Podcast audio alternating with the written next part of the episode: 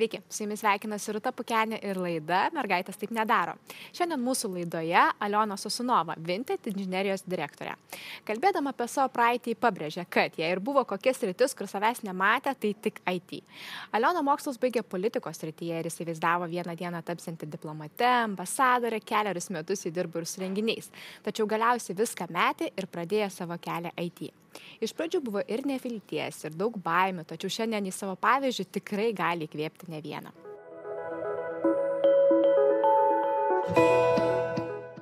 Sveiki, Aliona. Labą. Aliona, koks yra pirmasis jūsų vaikystės atsiminimas susijęs su tech?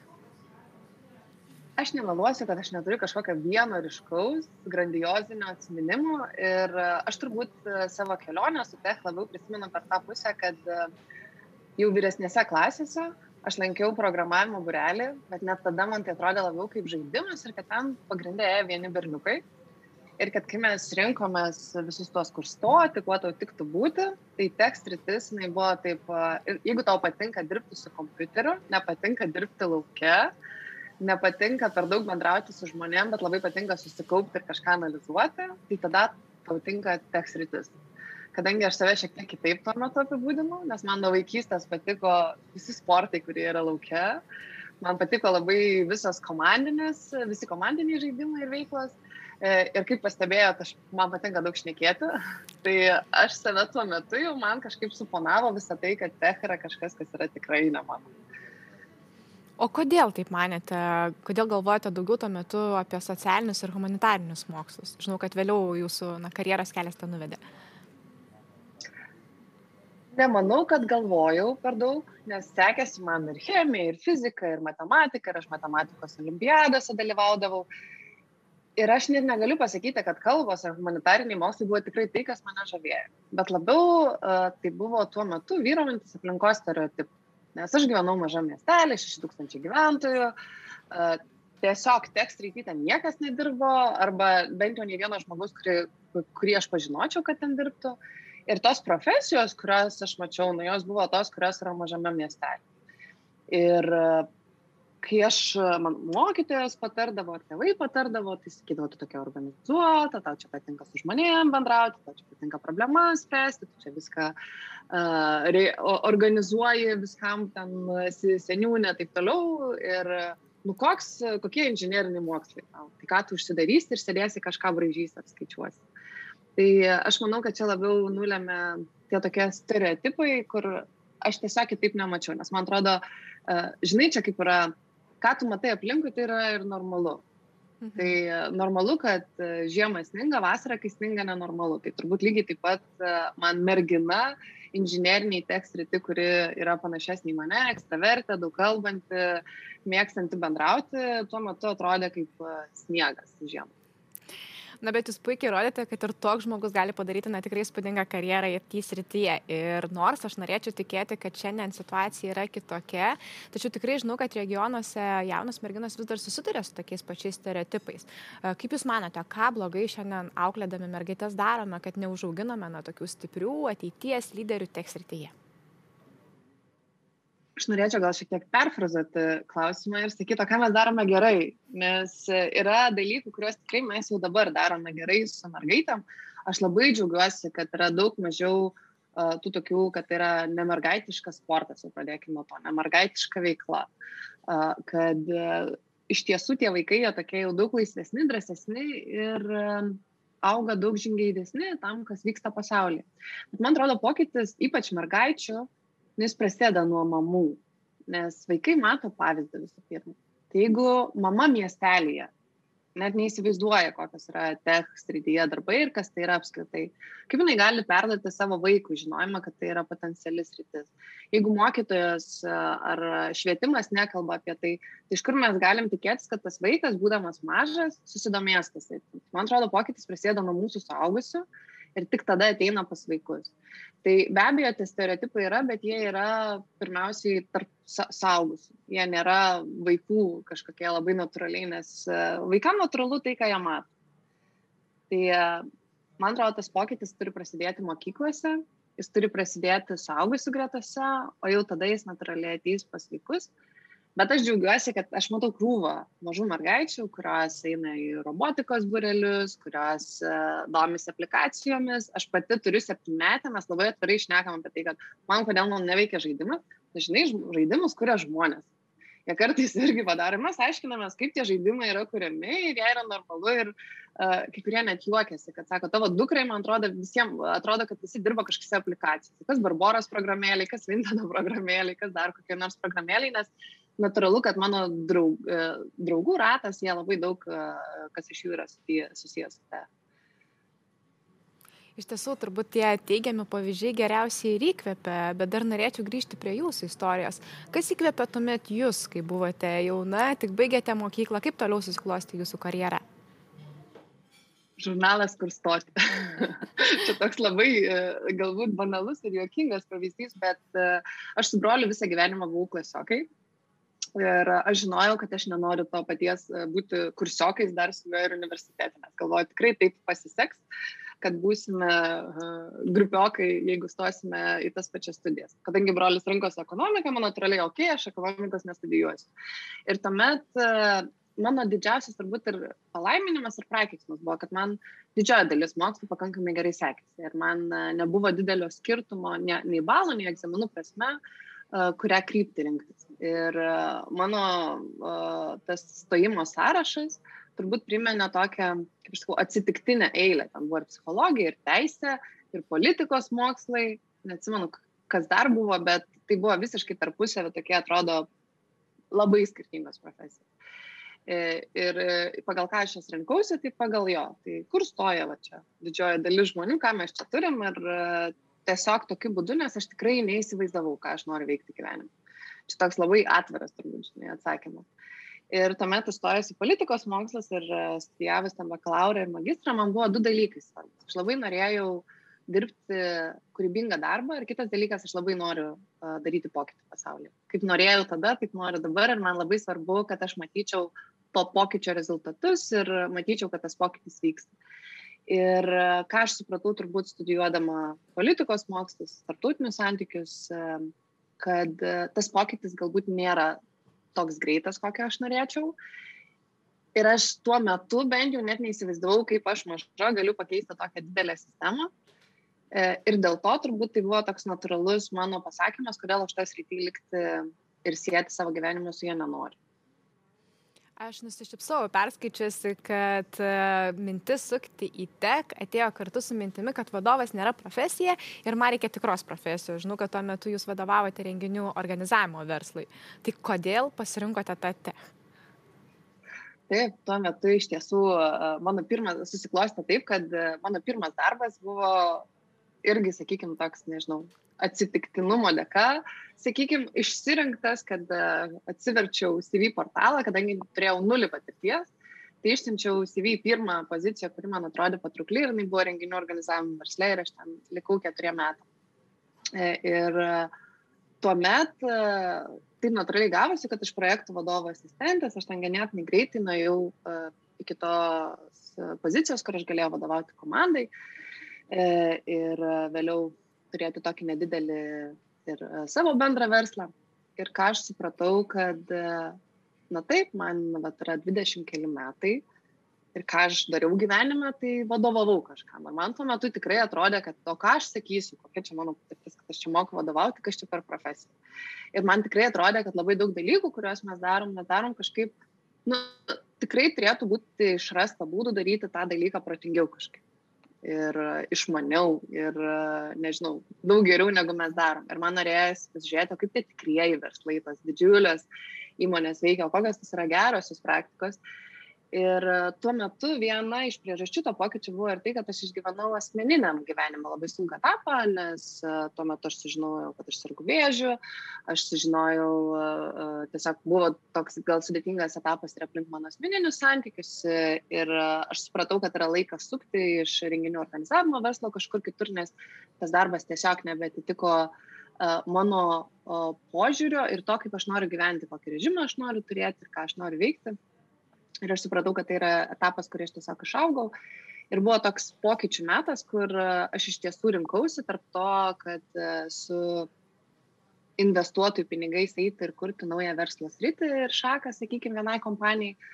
Arba geriausia draugė man pasiūlė, sako, tu nenorėtum ateiti pas mus IT projektų vadovą.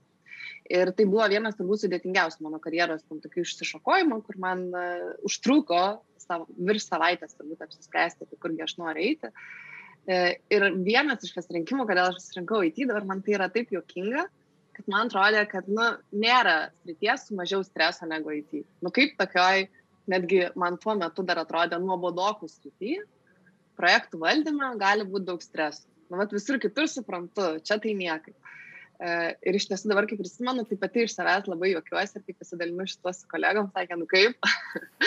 Sakau, nu jo, šiek tiek pasikeitė nuomonė. E, bet jo, pasirinkimas buvo toks, kad e, tikrai tuo metu norėjau pamatyti, kaip dirba didelės kompanijos ir eiti į sritį, kur nėra streso.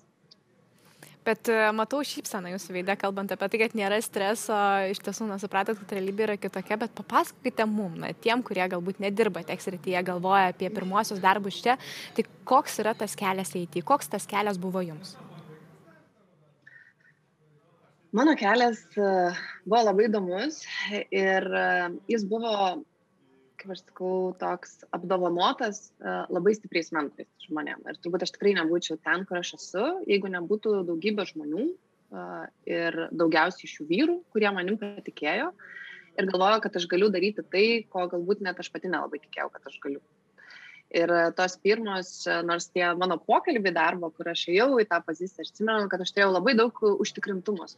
Manęs klausė, tai kaip pat tu netechninė projektų vadovė galvoja, kad tu ateisi ir tu valdysi IT projektus.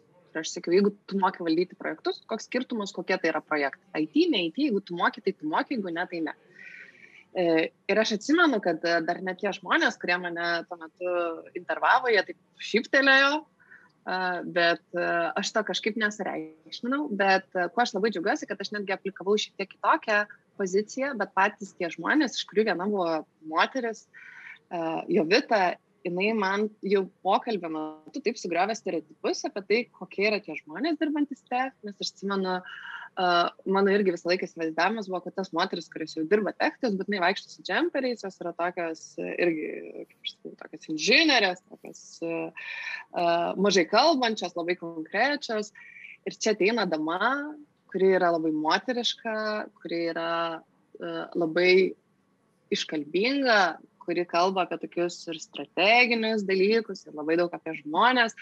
Ir kitaip tariant, toks atrodo visai ne mano akim, tuo metiniam techninis profilis. Ir galvau, jeigu jinai yra čia yra sėkminga, jei čia taip gerai sekasi, tai vadinasi, gal ir man čia yra vietos. Ir iš tiesų netgi ji padėjo man uh, pas, pasirinkti ir, sakykime, taip užrodyti, kad ar tai yra tikrai ta pozicija, į kurią tu nori eiti, ar tai yra tikrai, uh, gal tu norėtum šiek tiek kitokią rolę, kur aš, pavyzdžiui, tave matyčiau šiek tiek kitaip. Ir aš manau, kad jeigu aš būčiau atėjus į tą kitą PMO rolę, jinai man daug mažiau tiktų ir nežinau, ar priliptų ir aš būčiau likusi, jeigu aš nebūčiau atėjus į projektų vadovą. Bet tuomet, kai aš, atsiprašau, atėjau, jau į tech, tai aš neslėpsiu. Pirmas dvi savaitės, gal trys, tai aš verkiau kas vakarą, nes aš, mano anglų kalba man netrodė tuo metu bloga, bet aš gavau britų komandą, kurie aš neka net ne angliškai, o britiškai.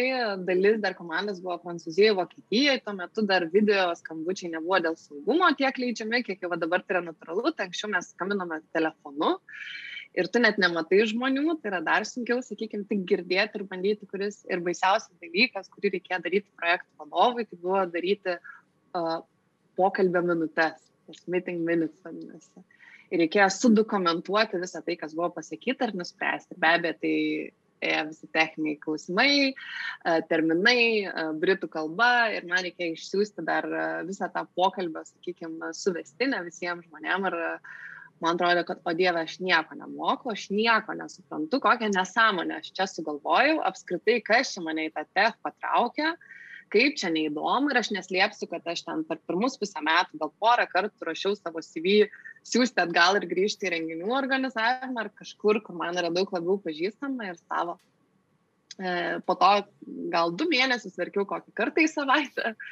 E, bet mano tas adaptacijos periodas jis tikrai užtruko ir jis truko turbūt apie pusmetį, tai tikrai, kol aš pripratau, mano, kas turbūt didžiausias apdovanojimas buvo, kad šalia buvo žmonės, kurie labai palaikė ir dėl to aš sakau, kai jūs ateinat naują sritį ir jūs pradedate daryti kažką, kas jums yra žiūrimi įprasta, pasirinkite labai teisingus žmonės aplink save ir tai yra turbūt vienas iš esminių sėkmės rodiklių jūsų, ar jums pavyks ar ne.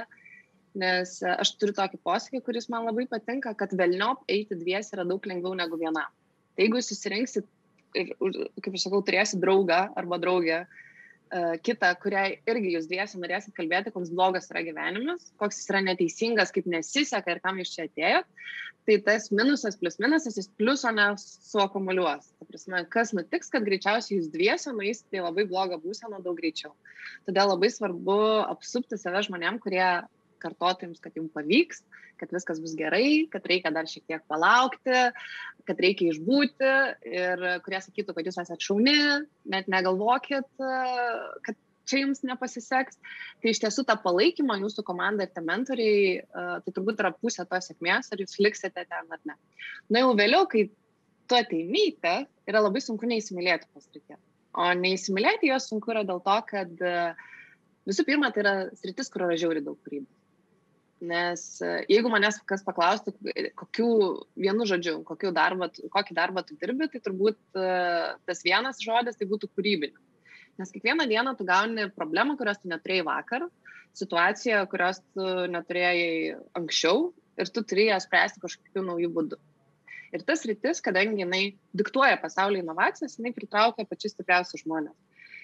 Ir tie stipriausi žmonės turi ir aukštą labai kertelę, kas yra vadovas geras, kas yra gera organizacija, kas yra kultūra, todėl tu esi toks įpareigotas visą laiką irgi sekti tą kertelę, tai kas yra pasaulyje, ką kitas įmonė siūlo, kokias praktikas. Jeigu tu vat metus laiko nesidomi kažkuo, tu esi taip pasenęs. Aš dabar leidau savo pusę metų, šiek tiek nesidomėjau to, aš pakalbėjau su dviem kolegom ir aš jaučiausi kvaila, kad aš vėl nieko nebesuprantu, kas nutiko čia, nes uh, atsiranda nauji terminai, naujos uh, kažkokios uh, sistemos, sakykime, arba naujos idėjos, jos yra labai įdomios. Ir dėl to tai yra sritis, kuri nuolat tave labai skatina tobulėti ir žiūrėti, tai kas ateina. Iš tiesų labai gera jūsų klausytis ir na, jausti, koks tas kelias buvo iš tiesų iš pradžių sudėtingas, kaip jums pavyko įvykti tos iššūkius, kurie kilo. Man atrodo, kad daug kas, kurie galvoja apie darbą teks rytyje, na, galbūt nori persikvalifikuoti, labai bijo tos pačios pradžios, aš tai jūs esate Žinai, labai geras tik... pavyzdys, kad viską galima padaryti, jeigu tikrai stengiasi, tiesa.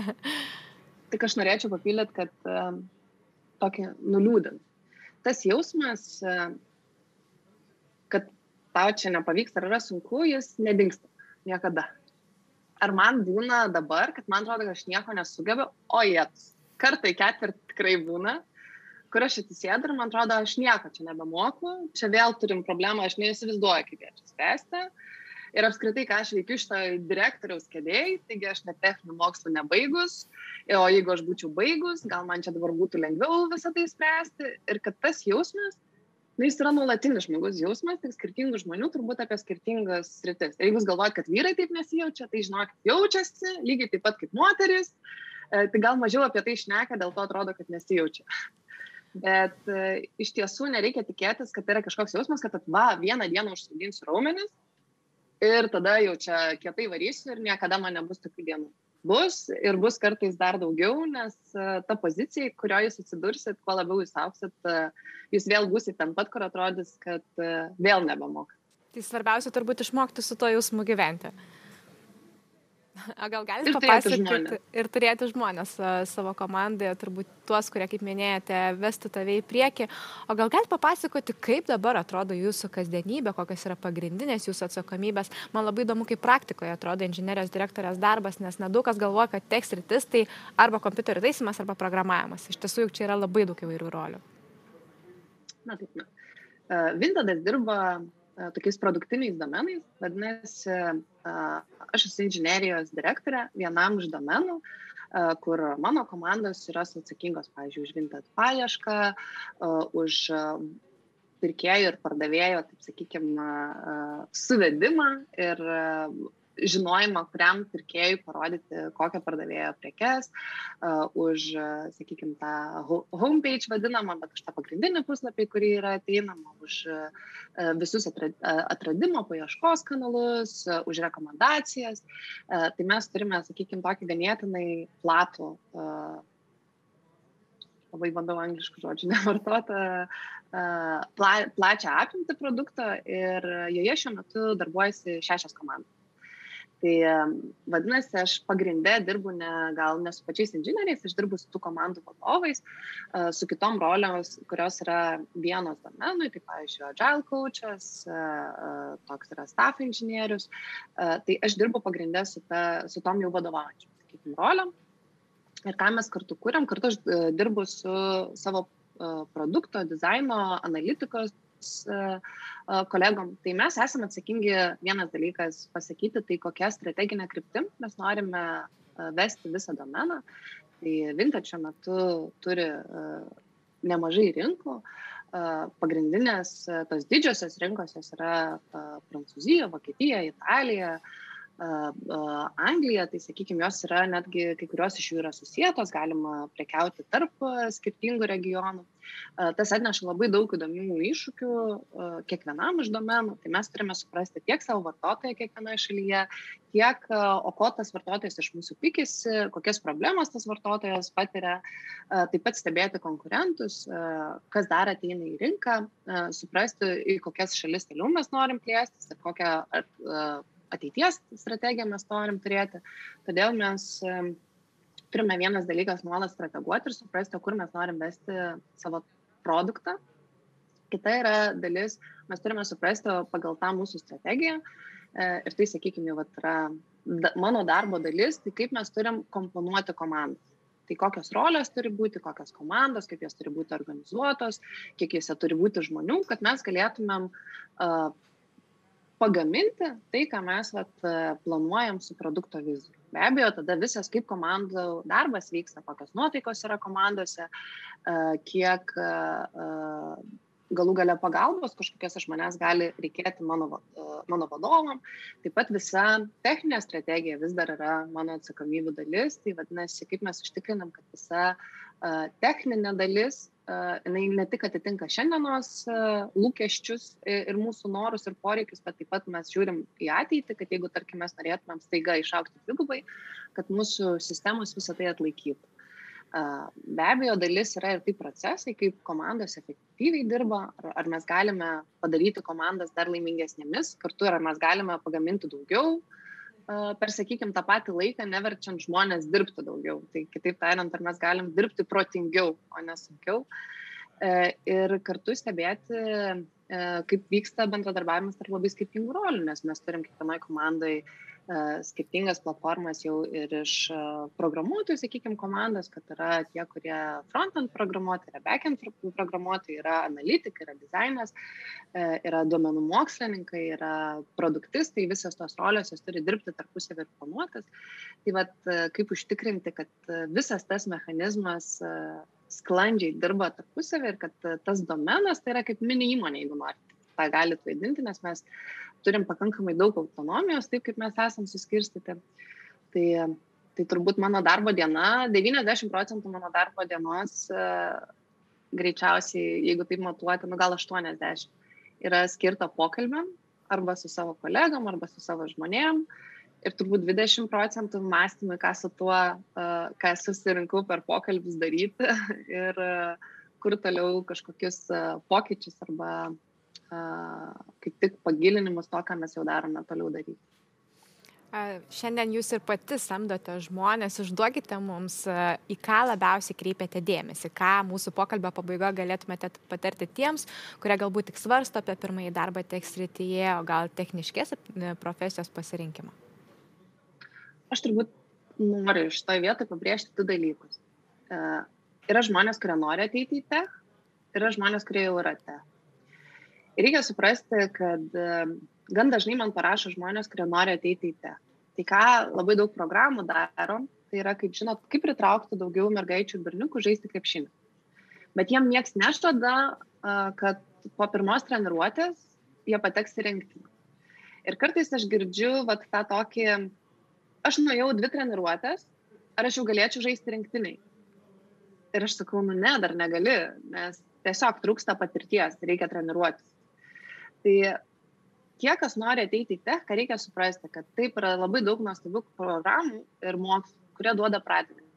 Bet tai reiškia, kad jūs pradėjote žaisti krepšinį ir tai reiškia, kad jūs turite tiek pats investuoti savęs, laiko, energijos, tiek turėti mentorių, tiek suprasti, galbūt ir turėti realius lūkesčius, kokias rolės jūs galite ateiti tam, kad patekti, sakykime, į tas keliolika įmonių, kur labai nemažai kas nori dirbti.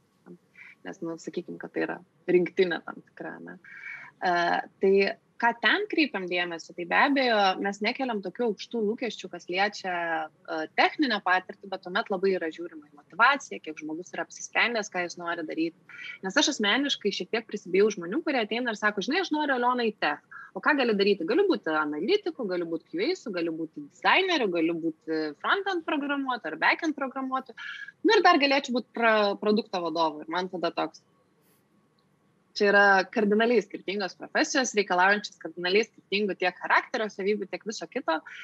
Ir aš asmeniškai nieko prieš uh, dirbti su tokiu žmogum, kad padėti jam apsispręsti, bet samdyti jį iš karto į kažkuria iš rolių man būtų šiek tiek baisoka, nes tai reiškia, kad žmogus gali keisti nuomonę, kuris atėjo ir nori aukti labai labai greitai. Ne? Tai šitoj vietoj tada žiūrim ir motivaciją, ir apsisprendimą, ir kodėl žmogus atėjo į tech. Nes jeigu žmogus ateina į tech, nesako, man tai yra patrauklis rytis, kur uždirba daug pinigų. Nu, tai yra bloga motivacija, nors aš tikrai nesu tas, kuris gali šitoj vietoj vertinti, nes mano pačios, kaip aš atsiradau tech, irgi nėra kažkokia labai stebuklinga istorija ir jinai yra labiau patenka į tą tokį irgi stereotipinę, kaip neateiti į tech, iš tikrųjų, negu kaip aš siūlyčiau ateiti į tech. Tai va, bet e, jeigu žmogus jau, kuris turi patirties tech ir kuris yra ten, tai be abejo labai didelė, e, kas pasikeitė rinkoje, mes labai pradėjom kreipti dėmesį į tą vadinamą kultūrinį atitikmenį, culture fit, e, nes techninių kažkokių dalykų tu gali išmokinti žmonės, bet kaip dirbti komandoje, kaip bendrauti ir kaip atliepti komandos poreikius, ne tik savo, ganėtinai sunku žmonės išmokinti.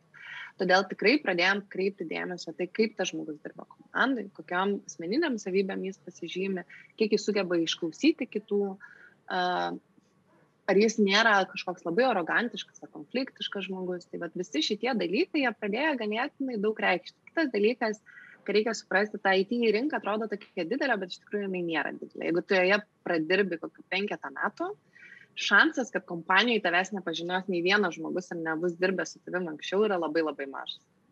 Todėl susirinkti bent kelių prieš tai dirbusių kolegų, sakykime, tokį kaip uh, nuomonę, uh, rekomendacijų yra ganėtinai paprasta. Tai jeigu jūs turite žmonės, kurie gali jūs rekomenduoti, tai irgi labai didelis turtas, nes be abejo mes susisiekėm su tais, kuriuos žmogus nurodė. Uh, kaip galinčius juos rekomenduoti, bet tikrai susisiekėm ir tikrai pakalbam. Tai turėti gerą santykį ir tose kompanijose prieš tai, kur tu dirbai ir, kaip ir sakau, nepasižymėti konfliktais irgi dažniausiai praverčia.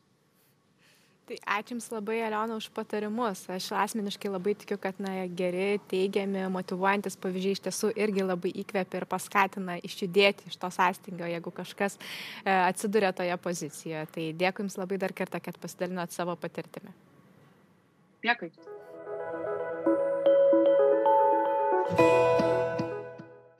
Ačiū ir Jums, kad buvote kartu su mumis. Padėkoti taip pat norėčiau laidos remėjai ir partneriui Baltika Modeas. Iki.